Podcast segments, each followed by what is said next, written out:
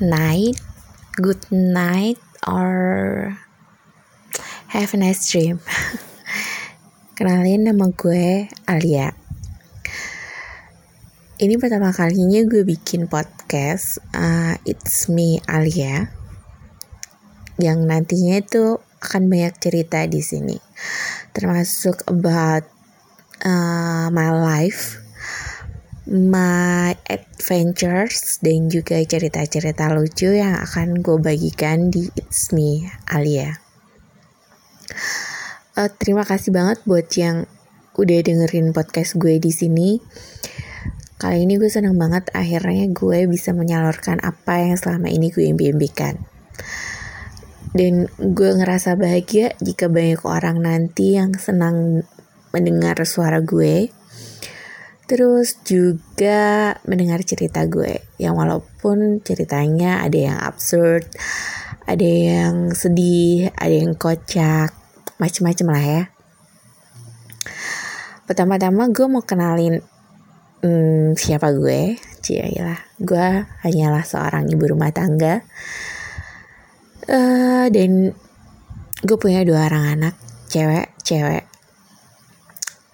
Mereka yang satu masih kelas 1 SD dan yang satu lagi kelas 4 SD. Gue punya dua saudara laki-laki karena gue dilahirkan di dunia ini menjadi satu-satunya perempuan selain nyokap gue. Hmm, adik gue yang pertama atau yang di bawah gue kebetulan jadi penulis dan juga editor di salah satu uh, digital TV tapi gue gak bisa sebutin. Nanti gue bisa digaplok sama dia. Yang satu lagi dia bekerja di retail uh, company. Ceritanya apa ya? Kocak sih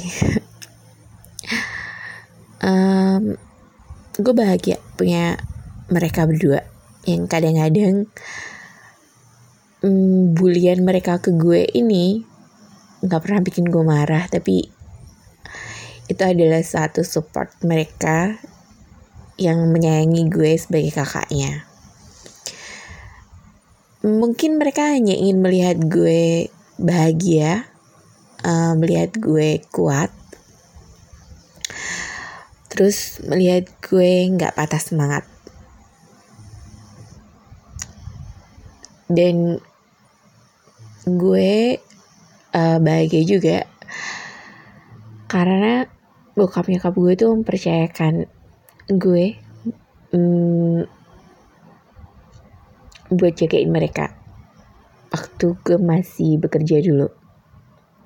Walaupun gak banyak yang bisa gue berikan ke mereka tapi setidaknya gue belajar untuk saling menghargai dan menyayangi sesama saudara. Dan itu ternyata penting. Karena setiap kehilangan itu akan selalu menyadarkan kita kalau segalanya itu ada maksud di balik kehilangan itu. Sakit sebenarnya ya, karena gue kehilangan orang-orang yang gue sayangin ini di waktu krusial dalam hidup gue gue kehilangan nyokap gue pada saat gue mau lulus kelas mau lulus SMA dan itu di bulan Januari gue udah mau mendekati ujian. And menurut gue she's gone too soon. Karena gue berharap banyak mimpi sama dia gitu.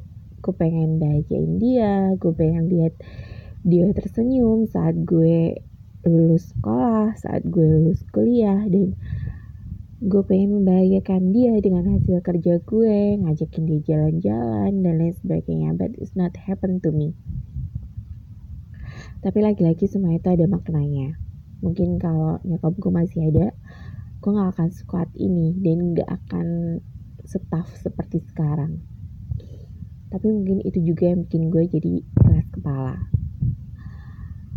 Dan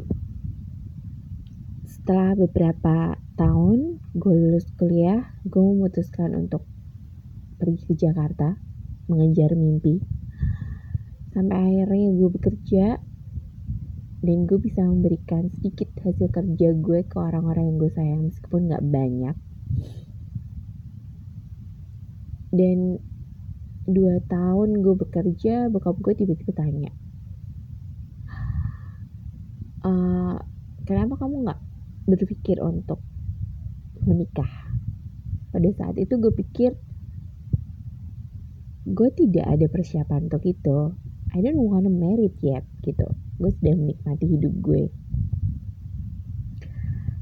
Tapi karena pada saat itu bokap gue baru aja sembuh dari sakitnya uh, gue kayak yang sebuah pressure ke gue ya gitu. Itu sebuah tanggung jawab gue sebuah tanggung jawab karena gue anak tertua. Akhirnya I decide to married di tahun 2008